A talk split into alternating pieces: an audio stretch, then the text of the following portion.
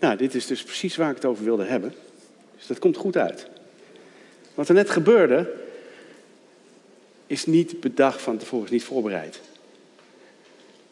En dat gebeurt doordat iemand het op zijn hart krijgt, dat de Heilige Geest zegt van, je moet iets doen. Daar wil ik het over hebben. Uh, Timon die sprak een paar weken geleden over, we willen meer van de Heilige Geest. En de titel van zijn preek was heel mooi, weet waar je aan begint. Ik vond dat echt een goede titel en een goed onderwerp. Terrence die had het vorige week over hoe je een verbinding moest maken met God, met de Heilige Geest. Eigenlijk op de plaats waar je staat. Hij vergeleek het met een, met een zonnebloem die in de groei was, die, de, die, die volgde waar het vandaan komt. Waar komt de energie vandaan? Waar komt de kracht vandaan om te groeien? En de zonnebloem richt zich dan op de zon. En als die volwassen is, dan weet hij wat de juiste richting is. Dat vertelde Terrence erbij. Dus dat was eigenlijk een soort kom in beweging, maar dan op de plaats waar je staat. Ik wil het juist vandaag hebben over kom van je plaats. Om de geest te laten doen, zijn werk te laten doen door jou. Zoals uh, Filippus, wat Gerrit vertelde, die verteld werd, je moet die wegnemen. Had hij dat zelf bedacht? Ja, daar kan je wel eens over twijfelen. Is dat nou Gods stem of is dat mijn stem? Maar hij ging. En er gebeurde iets. En, en, en die kamerling die werd gedoopt. En het, het was geleid door de Heilige Geest dat hij daar moest zijn op dat moment. Vandaag is mijn titel dus een beetje negatief ook, een beetje in de stijl van Timon, die zei: Weet waar je aan begint. Mijn titel is: We willen meer van de Heilige Geest, maar waarom gebeurt er dan niks? En deze serie gaat net zo lang door als nodig is, denk ik. Kijk zo naar Gerrit. Die heeft dit thema gekozen. Deze serie gaat door. En als je denkt aan de geest als de wind, dan weet je ook, denk ik wel, wat Jezus daarover gezegd heeft. En we denken natuurlijk aan. Hier zijn wat tv-programma's.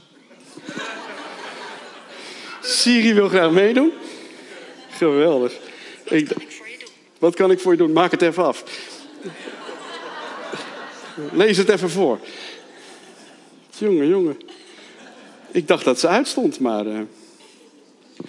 Dit is nog nooit gebeurd hier, hè? Dan krijg je met al die gadgets. Hoe, hoe ingewikkelder je het maakt. Terug naar de wind. Bij de wind denk je aan, misschien aan de wind van de geest. De wind die over de wateren waaide voor de schepping. Met Pinksteren, een geluid als een hevige windvlaag. En in Johannes 3, vers 5 staat in het gesprek met Nicodemus: Waarachtig, ik verzeker u, niemand kan het koninkrijk van God binnengaan, tenzij hij wordt geboren uit water en geest. Wat geboren is uit een mens is menselijk, en wat geboren is uit een geest is geestelijk. Wees niet verbaasd dat jullie allemaal opnieuw geboren moeten worden. De wind waait waarheen hij wil. Je hoort zijn geluid, maar je weet niet waar hij vandaan komt. Je weet niet waar hij heen gaat. Zo is het ook met iedereen die uit de geest geboren is. En dat zag je vanochtend. Er gebeurt iets onverwachts. Je voelt de wind, je denkt, die kant wil de wind op en je gaat dat doen. En de wind is niet te temmen. Er staan natuurlijk wel wat waarschuwingen in de Bijbel van doof de geest niet uit. Want je kunt natuurlijk ook kiezen om het niet te doen. Het is niet altijd zichtbaar. Wind voel je wel, maar je ziet het niet. Je ziet alleen de impact. Bijvoorbeeld de blaadjes bewegen. De zeilboot gaat vooruit. God stuurt en je kan er eigenlijk alleen maar achteraan. En zo is het ook met iedereen die uit de geest geboren is. Er is een constante stroom van verandering, verfrissing, kracht, soms ook een storm. Die stroom is er. Maar zien we het ook? Hoe werkt het dan? Want soms zien we andere dingen. Sommige christenen lijken soms stuurloos. Ze waaien met alle winden mee. Ze herkennen de juiste wind niet. Dat is te wijten aan een gebrek aan onderscheiding van wat de Heilige Geest is en wat iets anders is. Anderen zijn in de war en begrijpen niet wat er gebeurt als er dan eindelijk wat gebeurt. Dat is een gebrek aan kennis. En weer anderen zijn teleurgesteld omdat er niets gebeurt. Waarom gebeurt er niks? Dat heeft te maken met geen onderscheiding, een gebrek aan kennis en passiviteit. We komen er straks op terug. Eerst even over de geest. Als je je bekeert, dan zeggen we, dan komt Jezus in je hart wonen. En dat staat ook in de Bijbel.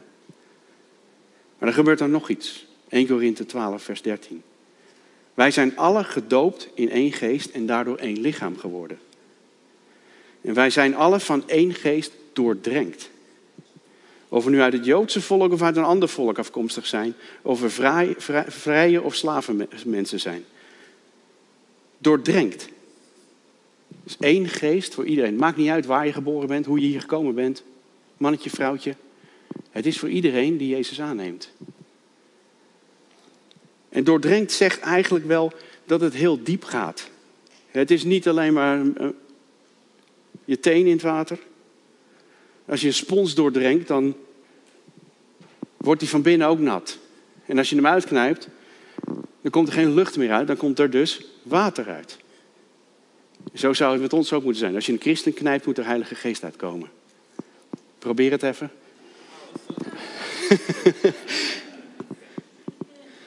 maar er gebeurt nog iets bijzonders. In je hart. En er staat in 1 Korinthe 6. Wie zich met de Heer verenigt, wordt met hem één geest. Jouw geest wordt één met zijn geest. Er is dus een verbinding weer gemaakt. En die verbinding, die was oorspronkelijk ook daar. Toen Adam geschapen werd, toen Eva geschapen werd. Ze hadden een verbinding met God. En ze, ze hadden een goede relatie en die is verbroken door de zonde. En door Jezus' offer is dat, kan dat hersteld worden. Het is natuurlijk hersteld, maar je moet dat natuurlijk wel aannemen. Dus op het moment dat je Jezus aanneemt, wordt er een verbinding hersteld, de relatie tussen jou en God. Eén geest staat er. Dat klinkt heel eng. En ik kan het je ook niet helemaal uitleggen. Maar Jezus is in jou. En hij stuurde de Heilige Geest om altijd bij ons te zijn. En hij maakt verbinding met mijn geest. Dus er is mijn geest en zijn geest en wij hebben een verbinding. Er staat eigenlijk dat je één wordt met Jezus. En wat doet die geest dan? Het staat in Efeze 3, vers 16. Mogen hij, en dan gaat het over de Vader, vanuit zijn rijke luister uw innerlijk wezen, dus de binnenkant, kracht en sterke schenken door zijn geest. Zodat door uw geloof Christus kan gaan wonen in uw hart. En u geworteld en grondvest blijft in zijn liefde. Dus de geest geeft je kracht van God de Vader. Er staan nog veel meer voorbeelden en ik ga ze niet allemaal aanhalen. Maar je kunt bijvoorbeeld denken aan de overweldigende kracht van de geest in de boodschap van het evangelie. Dus er wordt een boodschap gebracht en daar zit kracht in, op een of andere manier, die wij niet kunnen meten. De geest geeft je kracht en sterkte. De geest is de samenbindende kracht van de vrede en de eenheid. We hebben niet gekregen een geest van lafheid, maar van kracht, liefde en bezonnenheid. De geest is de vernieuwende kracht van de wedergeboorte. Als je dat allemaal zo hoort, dan denk je, wauw. En die kracht die werkt dan in mij. Dan is het moeilijk voor te stellen dat Paulus op een gegeven moment moet schrijven aan de Galaten. Maar bent u dan werkelijk zo dwaas om weer op uw eigen kracht te vertrouwen? En niet langer op de geest? Als de Heilige Geest de kracht van God is, waarom zou dan iemand op zijn eigen kracht gaan vertrouwen? Dat kun je bijna uitleggen als eigenwijs of hoogmoedig of ondankbaar. God wil je helpen, maar je kan het eigenlijk zelf wel. En hoe ga je dan ooit uitvinden wat je moet doen en hoe vind je de kracht om dat allemaal te doen? Want je kunt natuurlijk wel in de Bijbel lezen, ja, God wil dat ik dat doe. Maar als je het zonder zijn kracht probeert te doen, dan is het echt heel zwaar werk. Als je het met zijn kracht doet en je gaat in met de wind mee, de geest waait en je gaat dezelfde kant op, dan is het geen zwaar werk. Maar waarom gebeurt er dan niks? Ik vond het heel treffend hoe we verschillende gebeden hadden vanochtend voor Corrie. Want dat illustreert eigenlijk wel mijn verhaal. Je zult het zo meteen wel begrijpen. Psalm 103 staat: Prijs de Heer, mijn ziel. David die zegt dat. Prijs mijn hart zijn heilige naam. Prijs mijn ziel. Prijs de Heer mijn ziel en vergeet niet een van zijn weldaden. Davids geest spreekt tegen zijn hart en ziel en zegt: Doe iets. Ga iets doen. Prijs de Heer. Hoe prijs je de Heer? Er moet iets gebeuren. Ik, ik kan het gewoon voordoen. Hè? Ik, kan, ik kan nu tegen mijn ziel zeggen: Prijs de Heer. Doe ik dat zo? Maar je ziet het niet. Het komt er niet uit. Ik kan het heel hard roepen, maar als ik het niet durf of niet doe, dan gebeurt het niet. Ik kan heel hard willen, maar het is mijn lichaam wat iets moet doen.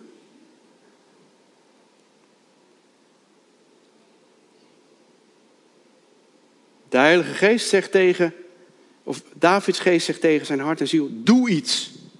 Ga de Heer prijzen. En wat doet David? Die begint te zingen. Hij steekt zijn handen omhoog. Hij prijst de Heer. Dan gebeurt er wat. En die kant wil ik ongeveer op. Als je kijkt hoe God zelf spreekt tegen Israël, dan zegt hij: Luister Israël. Hoor Israël, staat er. De Heer onze God is de enige. Heb daarom de Heer lief met hart, ziel en de inzet van al uw kracht. 1 Thessalonische 5, Thessalonicense 5. Mogen de Heer van de vrede uw leven in alle opzichten heiligen en mogen heel uw geest en uw ziel en uw lichaam zuiver bewaard zijn bij de komst van onze Heer Jezus. Het gaat hier over het Bijbelse mensbeeld. Hoe de Bijbel schrijft over hoe een mens in elkaar zit. Het gaat over de hele mens. Dus als het gaat over met alles wat je hebt, ja, dan, dan moet je een hart natuurlijk niet letterlijk lezen. Want als je dan, als je zegt Jezus woont in je hart en jouw hart wordt getransplanteerd in een ander, is die dan christen? Woont Jezus dan in zijn hart? Is jouw verhuis dat mee? Zo werkt dat natuurlijk niet. Het is natuurlijk wel een beeldspraak.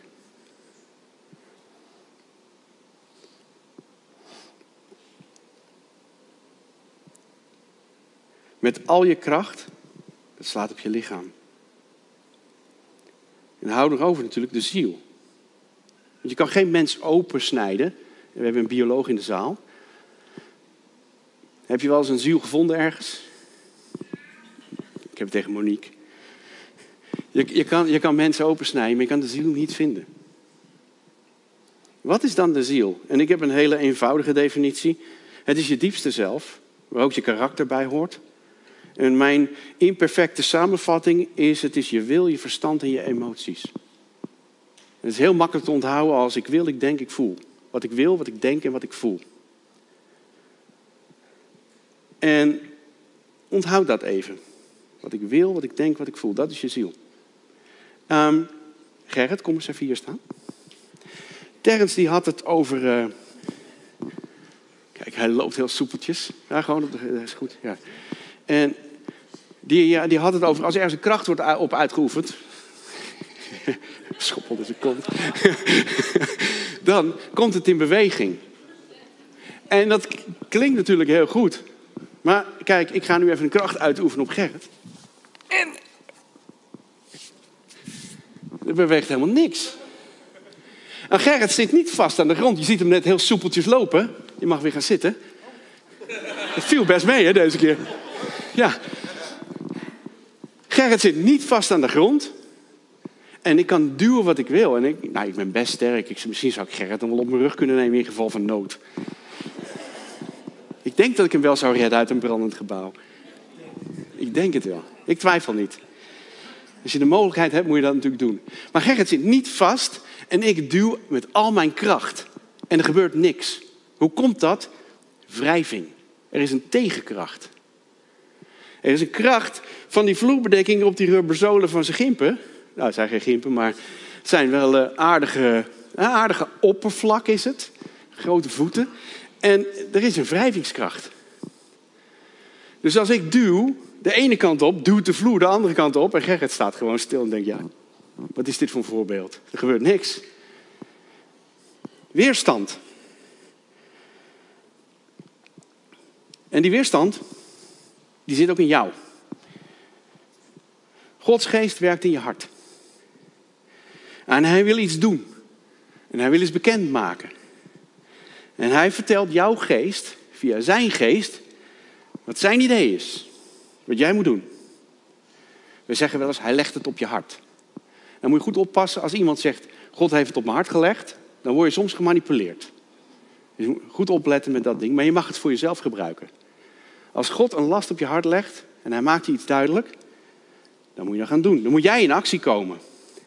Dan moet jij iets bekend maken. Dan moet jij iets doen. Dus dan heb je aan de ene kant de geest, waar God zegt, jij gaat iets doen. Aan de andere kant je lichaam, daar gebeurt niks. En daar zit dus je ziel tussenin. Denk aan David. Prijs de Heer mijn ziel en zijn lichaam komt in actie. Je kunt het ook even hebben over de ziel van Jezus. Want er staat wel iets over in de Bijbel. Niet letterlijk natuurlijk.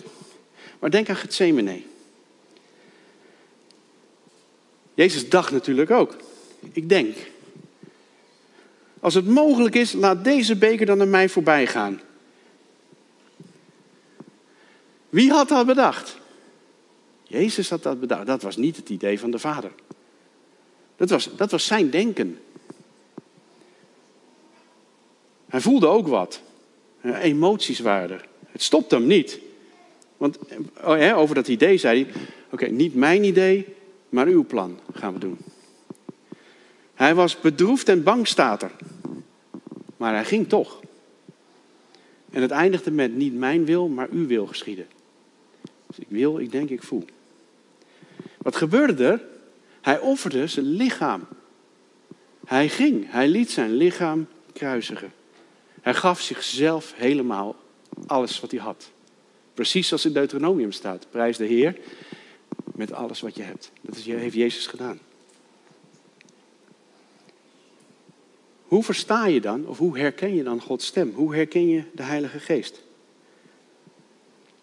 Dat is ook oefening. Het is een beetje als gitaarsnaren. Het is jammer dat er geen akoestische gitaar is. Maar als je twee snaren hebt die hetzelfde gestemd zijn, en je slaat de ene aan en je houdt die andere erbij, en er zit dezelfde spanning op, dan gaat die ene meetrillen. Dan heb je een resonantie. Als die verschillend gestemd zijn, dan ervaren we dat als vals. Dan, dan, dan trilt het niet mee, dat is een dissonantie. Als je op een gegeven moment voelt dat God iets tegen je zegt, dan kan het resoneren in je hart. Dan, dan zegt jouw geest, ja, dat is Gods stem, die herken ik. En als je tegen Gods geest ingaat, nou dat weten we allemaal, dat is makkelijk te herkennen. Dat herken je wel. Als je iets doet wat God een slecht idee vindt, dan zeg ik altijd, dan rammelt hij aan de ketting. Dat, voelt niet goed. Dat is, het, dat is het makkelijkste. Maar herkennen dat je iets moet doen is best moeilijk. En als er dan bijvoorbeeld een woord moet worden uitgesproken of een gebed, dan zie je God dat soms in meerdere mensen in de gemeente leggen. En als jij dat dan aan het oefenen bent, misschien ben je er nog niet zo lang mee bezig, dan sta je daar zo, ja, ik moet iets zeggen, maar ik durf het niet. Ik zei, ja, dat is je gevoel dan, ik durf het niet. Is het wel goed? Ik denk dat het niet goed is. Ik wil het wel, maar het gebeurt niet. En als iemand anders het dan uitspreekt, dan zeg je, ja, ik had toch gelijk. Maar je hebt niks gedaan.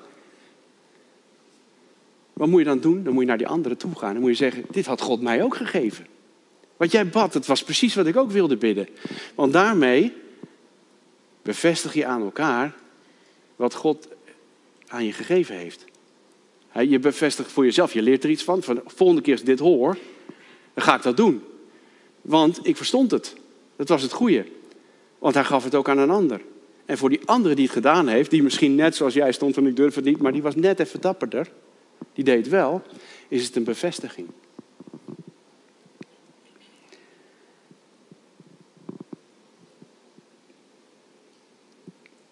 Dat gaat over onderscheiding. Over kennis wil ik een heel simpel ding zeggen. Leg een Bijbels fundament. Als je Jezus wil leren kennen, lees de Evangelie. Er is een gratis app, die heet Mijn Bijbel van het MBG. Er is geen excuus om geen Bijbel op je telefoon te hebben. Hij is gratis, je krijgt geen reclame. Alle vertalingen die hier gangbaar zijn, zijn er gratis in te lezen. Als je heel lui bent, kun je het zelfs laten voorlezen in de auto, offline. Je hebt geen internet nodig. Download dat ding, ga de Bijbel lezen. Doe het gewoon. Ik weet dat we het heel vaak over hebben, maar ik weet zelf hoe moeilijk het is dat ik het ook niet altijd elke dag doe. Maar het is wel heel goed voor je. Wil je Jezus leren kennen? Lees de Bijbel. Onthoud mijn Bijbel van de MBG. Passiviteit. Komen we terug. De weerstand van de ziel. Ik wil, ik denk, ik voel. En nou heb ik Pita even nodig. Ja, ik heb het van tevoren maar niet gezegd, anders zit ze de hele tijd zenuwachtig te zijn. Kom op, Pita. Oh, je wou buiten beeld. Nee. Ah, dat valt wel mee. Kom, blijf maar daar beneden staan. Je moet even. Kijk, wat ik ga, ik ga jou vragen om de kracht van de Heilige Geest te zijn. Door de wind, weet je wel, zo kaart te blazen. En dan moet je even mikken op Gerrit ongeveer. En dan moet je tussen zijn ogen en dan moet je even hard blazen.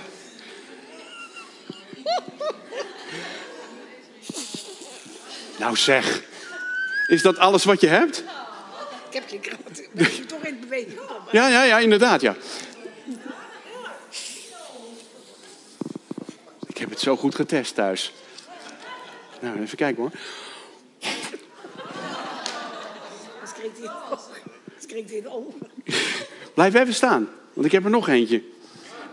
Hoewel dit resultaat natuurlijk niet precies was wat ik verwachtte, kon je wel zien dat die, dat die kracht door die buis heen werkte. En dit was eigenlijk, Pita was de Heilige Geest, die buis, ja, dat is mijn lichaam, waar, waar wat moet gebeuren. Die kracht moet doorgegeven worden. Nu heb ik er nog één. Blaas op deze.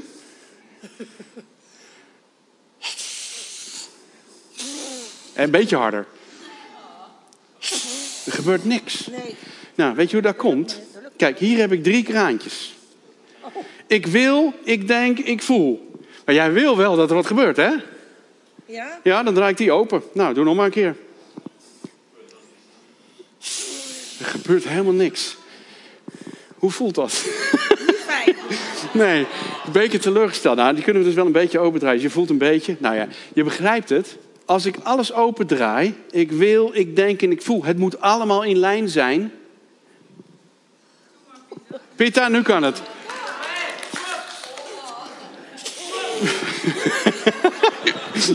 Jij hebt je beweging gehad.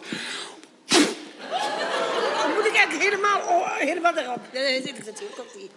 Je mag straks nog een keer spelen. Hé, dankjewel.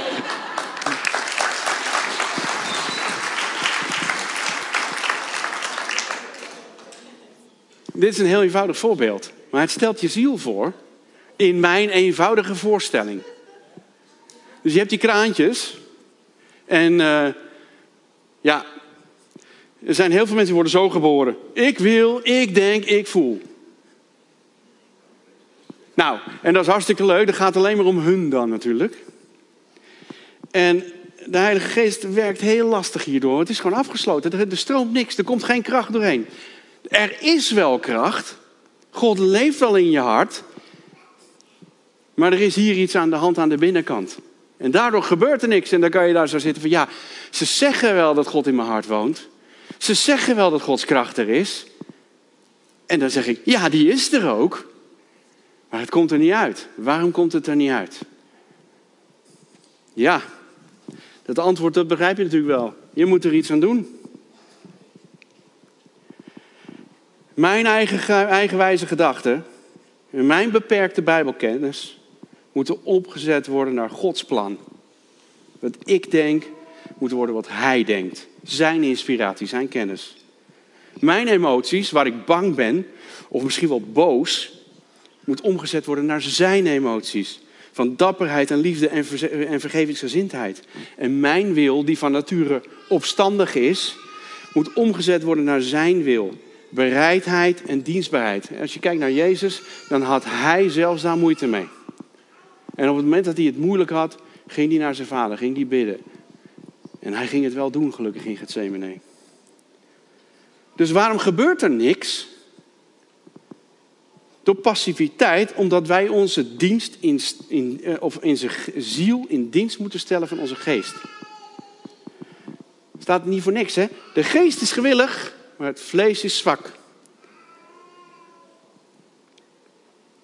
En dan is er nog wat. We focussen vaak op de verkeerde resultaten. Het is gewoon vaak veel simpeler dan we denken. We gaan naar 1 Korinthe 1, vers 4. Het gaat over de gaven van de geest. En Paulus schrijft: Ik dank mijn God altijd voor u, omdat Hij u in Christus Jezus zijn genade heeft geschonken. Door Hem bent u in elk opzicht rijk geworden. Alles wat u zegt en al uw kennis bewijst dat het getuigenis over Jezus bij u verankerd is. En hierdoor ontbreekt het u, terwijl u op de komst van de Heer Jezus wacht, aan geen enkele gave van de geest. Het is een soort belofte. Het zal ons niet aan gaven van de geest ontbreken. Als het getuigenis van Christus in ons verankerd is, dan ontbreekt het ons niet aan gaven van de geest. Het ontbreekt ons dus niet aan kracht van God. Maar het moet er wel uitkomen. Laten we even lezen over een aantal verschillende gaven in 1 Corinthië 12. Een heel bekend stuk. Er zijn verschillende gaven, maar één geest. Er zijn verschillende dienende taken maar, er, taken, maar er is maar één Heer. En er zijn verschillende uitingen van bijzondere kracht. Maar er is maar één God die ze allemaal en bij iedereen teweeg brengt. In iedereen is de geest zichtbaar aan het werk ten bate van de gemeente. Dat zag ik vanochtend. Want iemand had het op zijn hart om gebed uit te spreken. En het komt er ook uit. Toen was er nog een die deed het ook. Dat zijn hele simpele gaven van de geest. De geest werkt door jouw lichaam doordat jij dat gebed uitspreekt. Want als het niet uitgesproken wordt, is het er niet. Een profetie die niet wordt uitgesproken, die is er niet. Een hand die niet wordt uitgestoken om te helpen, die is er niet. Gods geest werkt in iedereen, staat er. Hij werkt door jou, maar niet voor jou. Hij werkt voor een ander. En hier staat specifiek een ander in de gemeente. Dus voor iedereen behalve jezelf hier. Aan de een wordt door de geest het verkondigen van wijsheid geschonken. En aan de ander door dezelfde geest het overdragen van kennis. De een ontvangt van de geest een groot geloof en de ander de gave om te genezen. Weer anderen de kracht om wonderen te verrichten, om te profiteren, om te onderscheiden wat wel en niet van de geest afkomstig is, om in klanktaal te spreken en om uit te leggen wat daarvan de betekenis is. Dit is een heel bekend rijtje. En we zijn er soms best wel gefixeerd op. We vinden het eng, we durven het niet. We herkennen Gods stem niet. We denken dat het gewoon niet mogelijk is. Want we zien het niet soms. En omdat we dat denken, houdt onze ziel het werk van God tegen. Want al deze dingen die ik net noemde, doe je dus met je lichaam. Verkondigen van wijsheid, overdragen van kennis. Stel je voor, gaaf om te genezen. Nou, dan ga ik naast Rebecca staan. Heb ik de gave om te genezen ontvangen? Ja. Er gebeurt niks als ik niks doe. Dus ik zal iets moeten doen. En God schrijft niet voor wat ik moet doen. Hè. Jezus die spuugt op de grond en uh, dat zal ik niet doen. Ja. Je kan ook iemand de handen opleggen, je kan bidden. Het gaat dus door je lichaam. Je moet je lichaam gebruiken om God te dienen, om dat mogelijk te maken dat de geest werkt.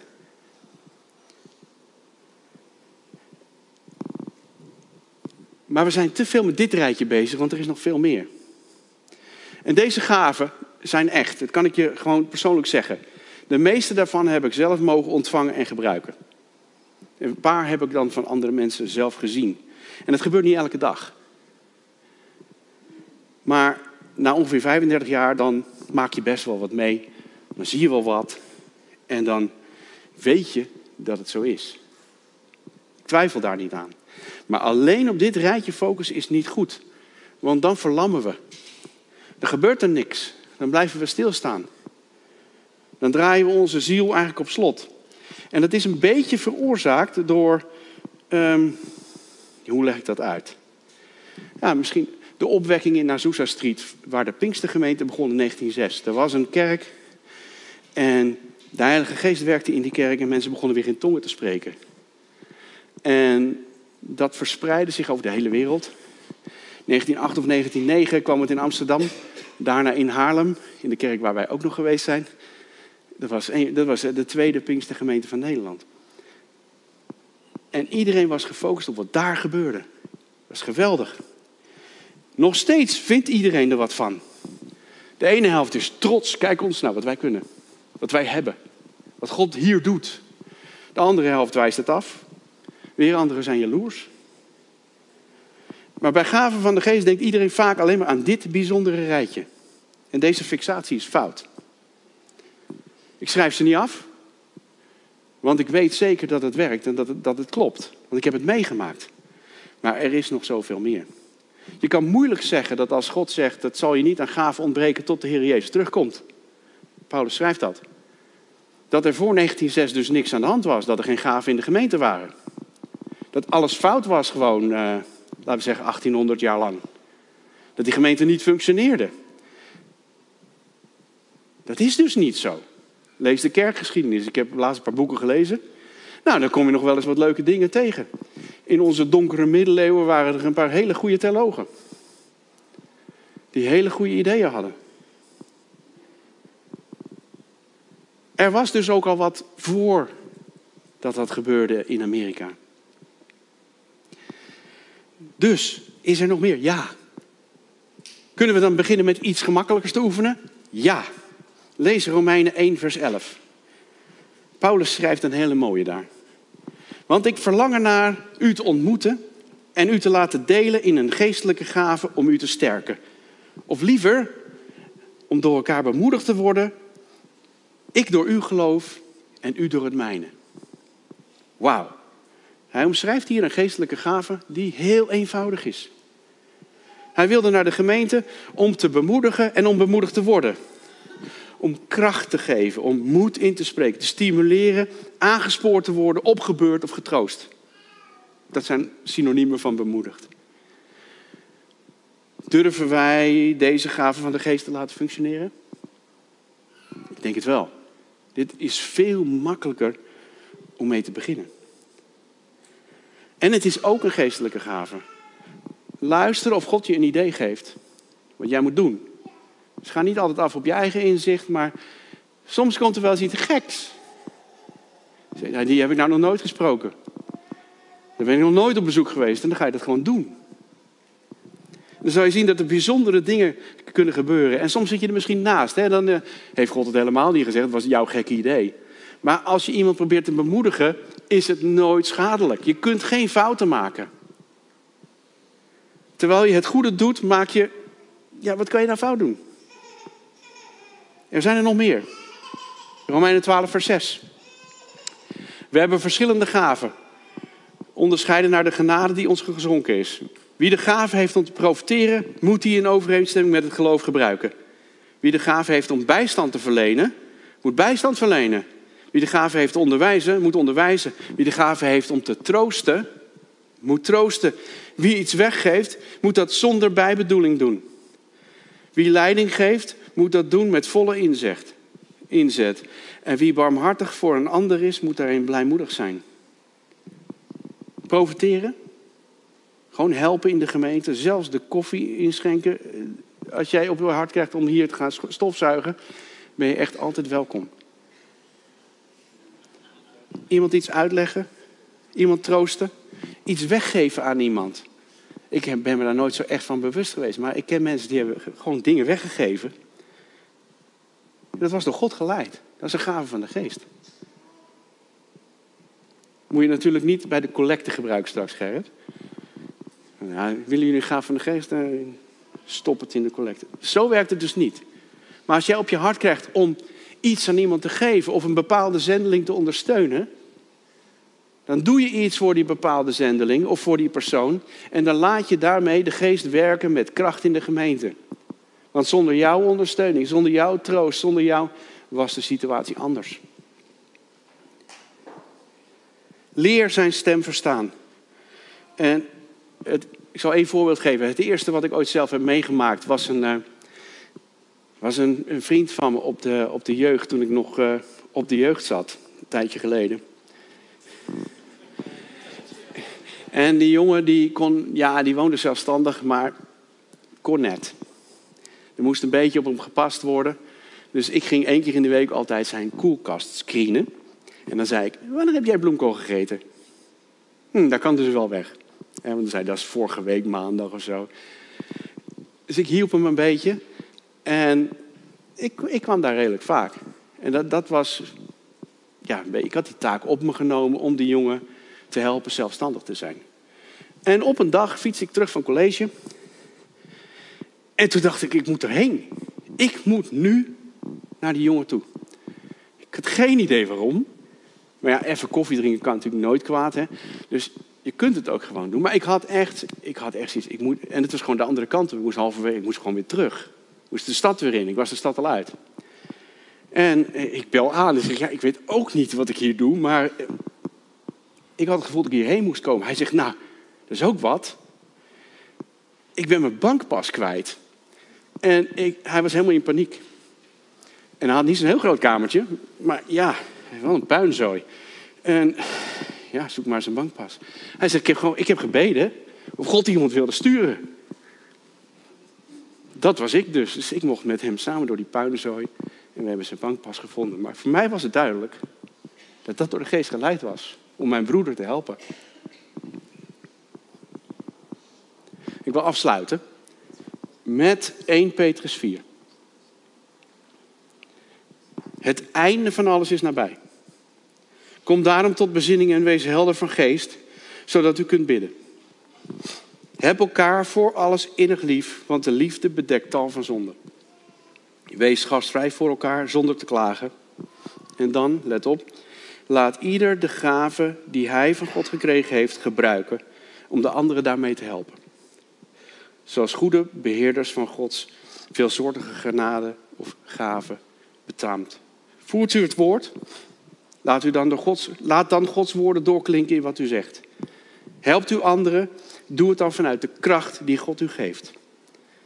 Want zo doet u alles tot eer van God, dankzij Jezus Christus, aan wie alle eer en macht toekomt voor eeuwig.